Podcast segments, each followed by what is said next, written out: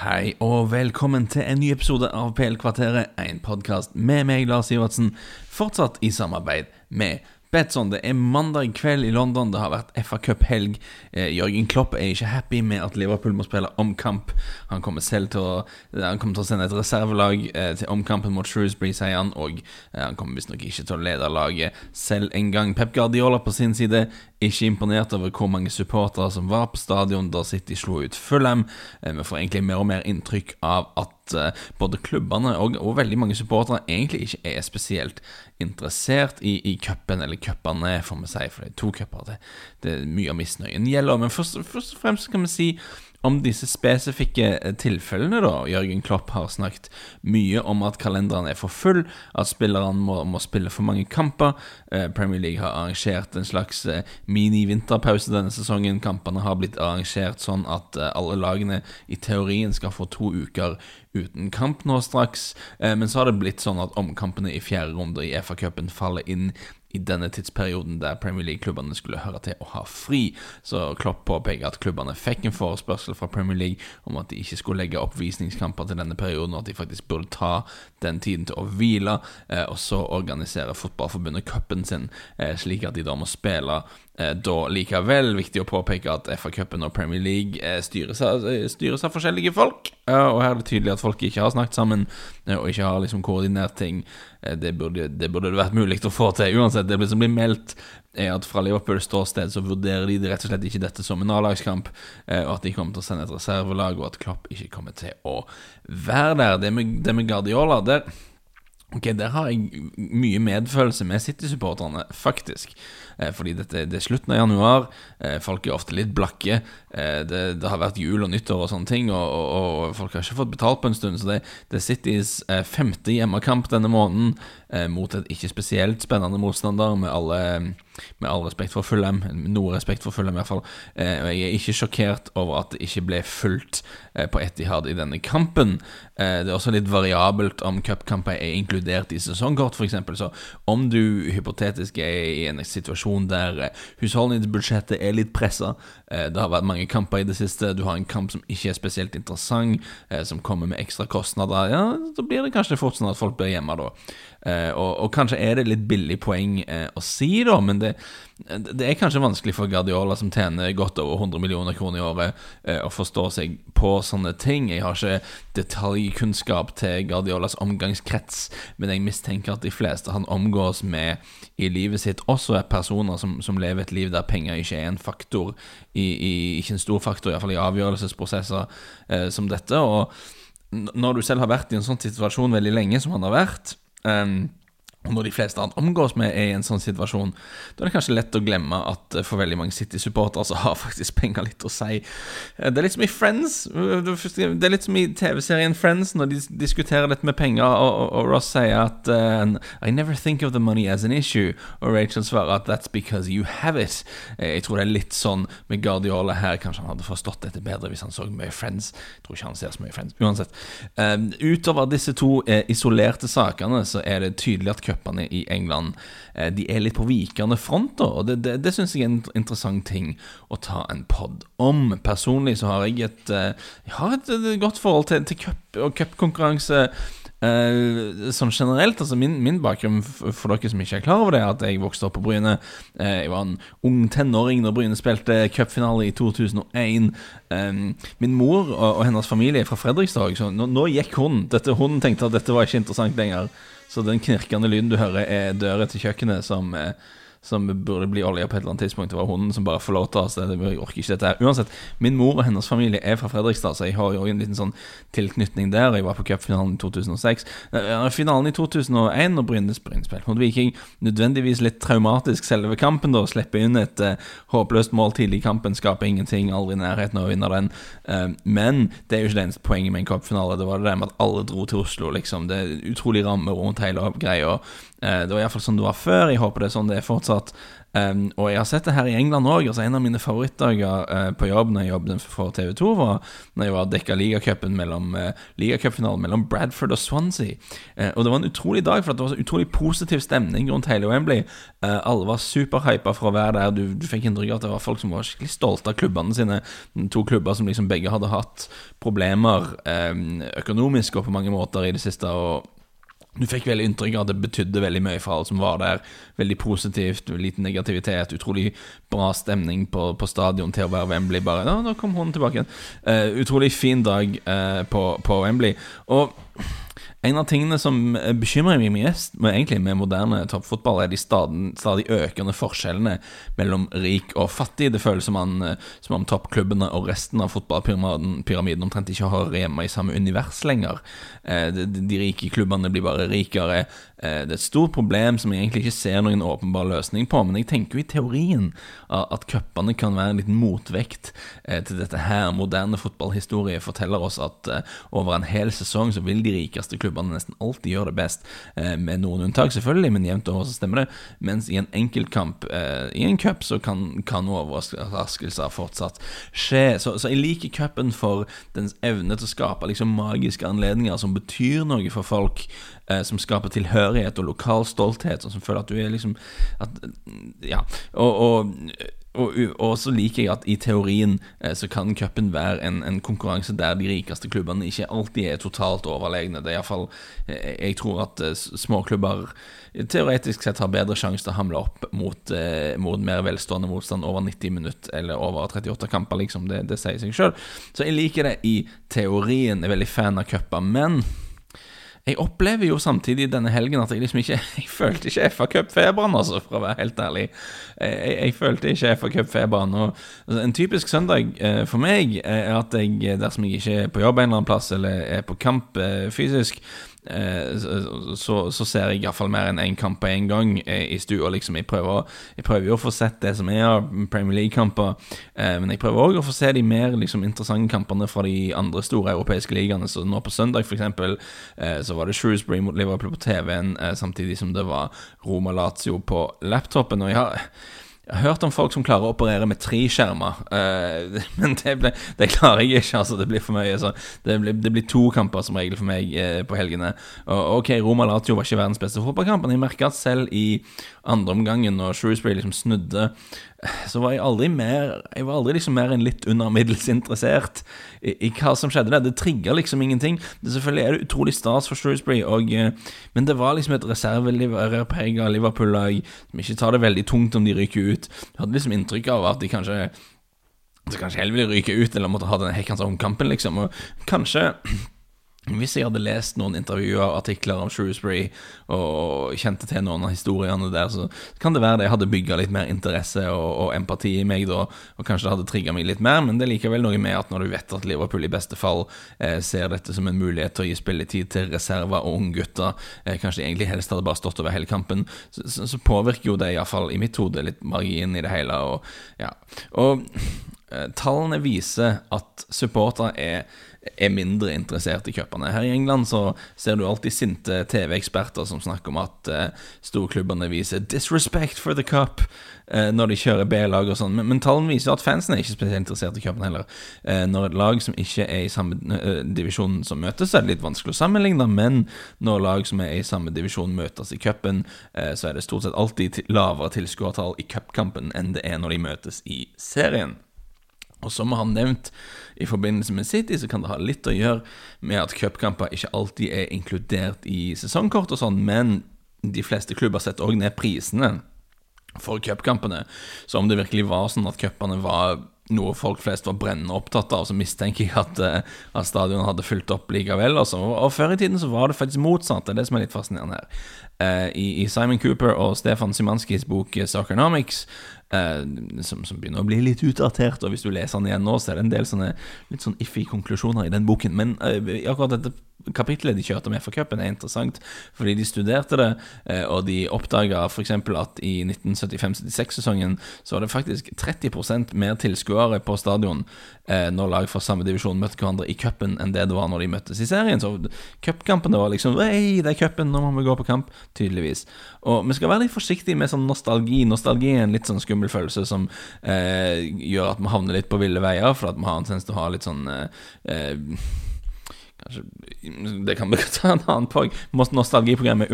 Vær skeptisk til nostalgi, alltid. Men når folk snakker om at cupen var mye mer eh, big deal før i tiden, så har de faktisk rett i det, altså. Eh, men, men, det er en del som har skjedd siden 70-tallet. Og én ting som har skjedd, eh, som jeg nevnte, er at forskjellen mellom rik og fattig har blitt større. Igjen Cooper og Simanski så på det, og, og på de, ifølge det som det kom fram til, var at eh, på 70-tallet så var det sånn at klubber i den øverste divisjonen i England eh, brukte fire ganger så mye penger på spillerne sine. eh, på lønninger og sånn, eh, som klubber på nivå fire. Altså fire ganger mer penger i toppen enn på nivå fire. Mens på slutten av 90-tallet så brukte klubbene i den øverste divisjonen nå tolv ganger så mye penger eh, som, spillere, som klubber på nivå fire gjorde. Uh, og I den samme perioden så ble antallet såkalt eh, giant killings, altså tilfeller der et lag slår ut et lag fra to divisjoner over seg sjøl eller mer i cupen, altså lite lag, stort lag slått ut, uh, det, det, tallet ble omtrent halvert i den perioden. Så, så, det er mye sjeldnere eh, nå enn det var før at de små lagene slår til i cupen. Og det er helt logisk, for vi ser på tallene at det, det er større ressursgap, eh, og det fører nødvendigvis til forskjell på nivå. Og, og siden slutten av 90-tallet så har forskjellene bare blitt enda større. Eh, I dag ligger snittlønnen til en Premier League-spiller på rundt 60 000 pund i uken, men mens snittlønnen til en League 2-spiller, altså på nivå 4, den ligger på rundt 1500 pund i uken. Så fra å kunne bruke fire ganger mer på spillere på 70-tallet, så brukes klubber på toppnivå nå over 30 ganger mer penger på spillere enn det klubber på nivå 4 gjør. Differansen blir bare, bare større og større, større, eh, og det er ikke rart at det er færre sjokk i cupene da enn det var før. Dette altså til tross eh, for at de fleste toppklubbene også da stiller med reserver i disse kampene. Og dersom mulighetene for et sjokk, eh, for en overraskelse, en av de er en stor del av appellen til cupene, så er det bare naturlig at den appellen blir mindre dersom det er mindre sjanse for disse overraskelsene. Og, og, og, akkurat dette med at storklubber eh, stiller reservelag, det tror jeg òg er et viktig poeng oppi dette her. Um, for, for klubber som kjemper om seriegull, så tror jeg alle skjønner at cupene ikke blir prioriterte. Eh, for de som kjemper om Champions League-plass, eh, så er økonomien og prestisjen i å være med i Champions League Den er så viktig at jeg tror de fleste skjønner det òg, at eh, prioriteringen blir sånn. Og for lag som må kjempe om å holde seg under nedrykksstriden og for å holde seg oppe, så er naturlig nok det viktigere enn cupene igjen pga. penger og prestisje. Og selv for de lagene som surrer rundt midt på tabellen, da, det er noe sånn som to millioner pund i premiepenger i forskjell på hver tabellplass. Det er ganske ekstremt. Så om du kan komme fire plasser høyere, da, si 14.-plass til 10.-plass, så er det faktisk verdt mer i premiepenger enn om du vinner FA-cupen. Eh, og det er litt absurd, eh, men sånn er det faktisk. Eh, og ok, du får en europaligaplass om du vinner cupen. Det virker jo litt som om klubbene, noen klubber iallfall nesten ikke ville ha den, men samtidig så er det litt tegn i det siste på at Premier League-klubber begynner å ta Europaligaen litt mer alvorlig, så kanskje det er noe. Men uansett, jeg føler at fra klubbene sitt perspektiv så har cupene det har blitt litt sånn at de, de, gjør det til det som det passer seg. Um, for å forklare hva jeg mener med det, at uh, hvis du tilfeldigvis da gjør det bra i cupen, du, du, spiller litt reserver og sånne ting, men du vinner kampene dine, du får litt greie trekninger, så du blir ikke slått ut, uh, og plutselig så er du i semifinalen, i kvartfinalen, og, eller finalen, da kan klubbene begynne å snakke om at jo, jo, cup, cup er veldig viktig, det betyr veldig bra. det betyr veldig bra. Det betyr veldig mye, spesielt om du vinner eller er i finale, liksom. Så det er sånn, Cupen er superviktig, dette betyr mye for oss. Men, men hvis du ryker ut tidlig, så kan du jo bare si sier at nei, det, da slipper vi å bruke energi på dette her. Eh, vi får litt ekstra hviledager, vi kan fokusere på ligaen. Alle er fornøyde med det òg. Og jeg sliter f.eks. med å komme eh, på eksempler på managere eh, som har fått sparken fordi laget ikke gjør det bra i cupene. det, det skjer jo omtrent ikke. Altså Eh, kan dere huske noe? Send meldingen til meg på Twitter. Et eller annet Sivertsen. Jeg kommer ikke på noen manager som har fått sparken pga. han har gjort det dårlig i en cup. Det har liksom ikke skjedd. Eh, men på den annen siden så ser vi at eh, altså Kenny Daglish fikk sparken i Liverpool, vant Liga-cupen, kom til finalen i FA-cupen, fikk sparken. Louis van Hall fikk sparken like etter han hadde vunnet FA-cupen. Arsen Wenger vant FA-cupen tre ganger på fire år på slutten i Arsenal, fikk sparken likevel.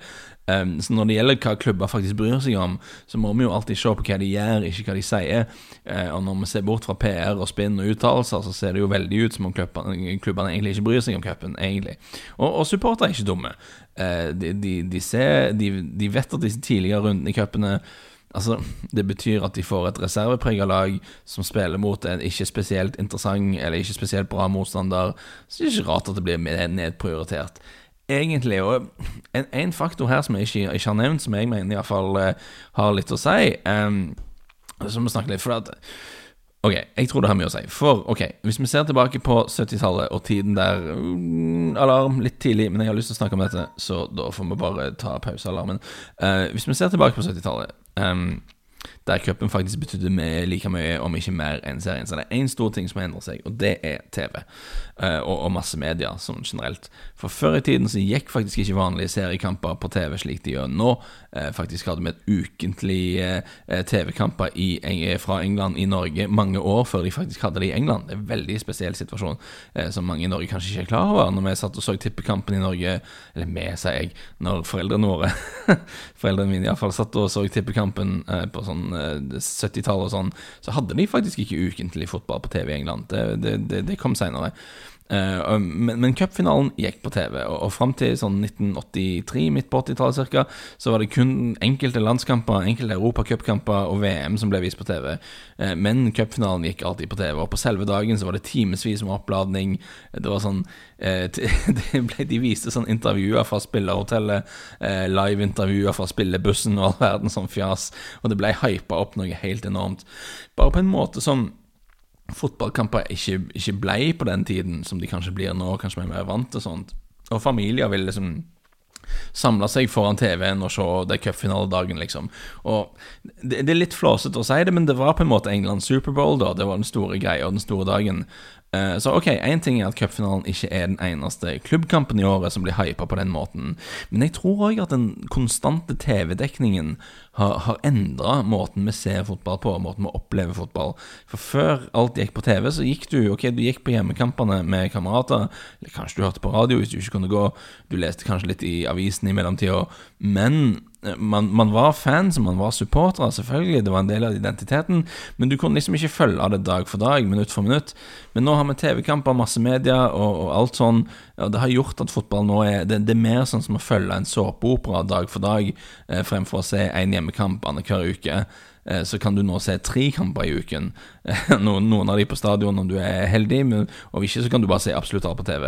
Og du kan lese rykter og nyheter og meninger på nett i aviser hver eneste dag. Du har en konstant diskurs på sosiale medier. Eh, så jeg vil jo si at TV og massemedier har ført til at det blir en mye mer daglig greie, da. Uh, du kan sammenligne med altså Fotball nå er mer en såpeopera med en ny episode hver dag, fremfor å, å gå på kino en gang annenhver uke, liksom, når du går, og så er du der, og så er du ferdig. Uh, så, og den såpeoperaen den handler liksom om plotlines, om historier, om narrativ, som du følger over lengre tid, uh, som har forskjellige karakterer. Du har good guys, du har bad guys, og på grunn av dette så opplever vi liksom at fotballen jeg mistenker at de cuphelgene, akkurat som landslagsukene, føles som en slags pause da fra de historiene vi pleier å følge med på, og så plutselig så skjer det noe annet. Uh, så akkurat nå vi følger med på Liverpool sin ferd mot et historisk seriegull, men vi ser på hvilke av de andre topplagene som fomler rundt og kødder, som klarer Champions League-plass, Kommer Leicester til å klare det? Hvem kommer til å redde plassen? Kommer liksom José Mourinho Kommer han til å lykkes nå når han er i Tottenham plutselig? Kommer Guardiola til å bli værende? Ser han litt sur ut? Hva, skjer der? Alle disse historiene som vi følger liksom dag for dag, runde til runde. Når cupkampene kommer, så føles det liksom som om alt blir satt på pause. Eh, det føles som om det som skjer i cupkampene, eh, ikke betyr noe for disse historiene. Uh, og, Champions League blir på en måte litt annet. Vi har jo Champions League òg som kommer, men Champions League-kampene føles som de kommer i tillegg og ikke istedenfor. eh, Ligakampene Liga, liga, ligakampene. Eh, mens mens cupkampene, spesielt disse tidlige rundene, de føles som det er bare noe vi må komme oss gjennom eh, før de normale episodene av såpeoperaen vår er tilbake, og du kan ha individuelle historier som er fantastiske.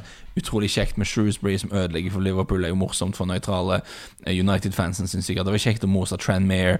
Litt X-Files å se Jesse Lingard skåre mål, liksom plutselig. Uh, hva er det som skjer der? Men, men, det er noe med at dette føles som om de store historiene som har fulgt hele sesongen, og som vi følger med på, bare plutselig har stoppet for en helg.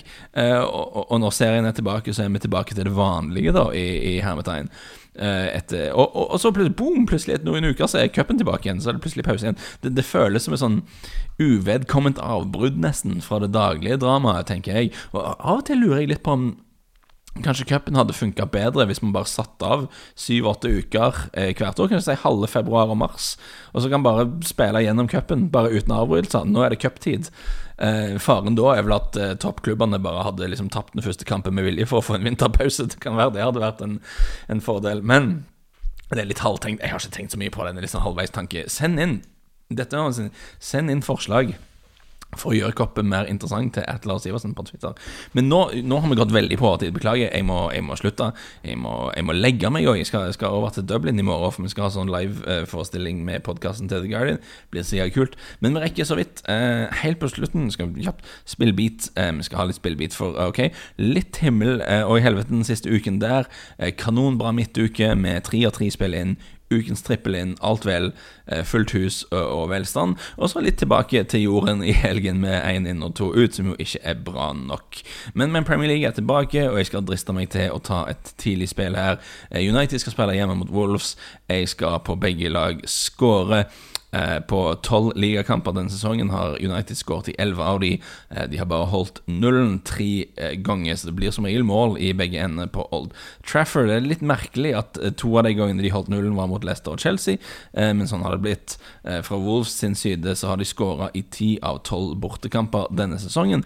De er et kontringssterkt lag, som vi vet. Jeg, jeg syns egentlig at seier, oddsen på Wolves seier eller uavgjort er interessant nok. Det står til 1,70 i Wolves. Det trenger ikke være noe dumt spill. Eh, men, men, dette skal i teorien være en kamp som passer United veldig dårlig. Eh, Wolves trives godt med å sitte dypt og slå til på kontringer. Det er det de er best på. Eh, United er et lag som sliter med å spille ut motstandere som forsvarer seg dypt. så Ellers er det faktisk bare tre lag som har skåret Som har skåret mer mål på dødballer denne sesongen enn Wolves. Newcastle, Liverpool og Bournemouth dersom du lurte. Eh, mens det er kun eh, Everton som har sluppet inn flere mål på dødball enn United. Så jeg har veldig lite tro på at United skal holde nullen her. Eh, mens til tross for hvor elendige de var mot Burnley, da, så de skal kunne klare å skåre. Altså, de er på hjemmebane. De mangler Rashford, ja, men de er hjemmebane. De har skåret i alle hjemmekampene unntatt én. Jeg syns 1,94 i odds akkurat nå, Shabetson, uh, på at begge lag skårer. Det er mer enn jeg hadde trodd det skulle være. Uh, jeg, trodde den skulle helt, ligge rundt sånn 1,75 eller noe sånt når jeg slo det opp. Men uh, 1,94 på odds på at begge lag skårer. Wolves, eller uavgjort, står til 1,70. Det skal nok også være et interessant spill. Men begge lag skårer til 1,94. Den skal jeg ta. Jeg tipper den dropper litt inn mot helgen, så det kan være lurt å ta den tidlig der. Uh, uansett, det var nå en kjempeårtid. Beklager. Takk for følget. Vi snakkes snart.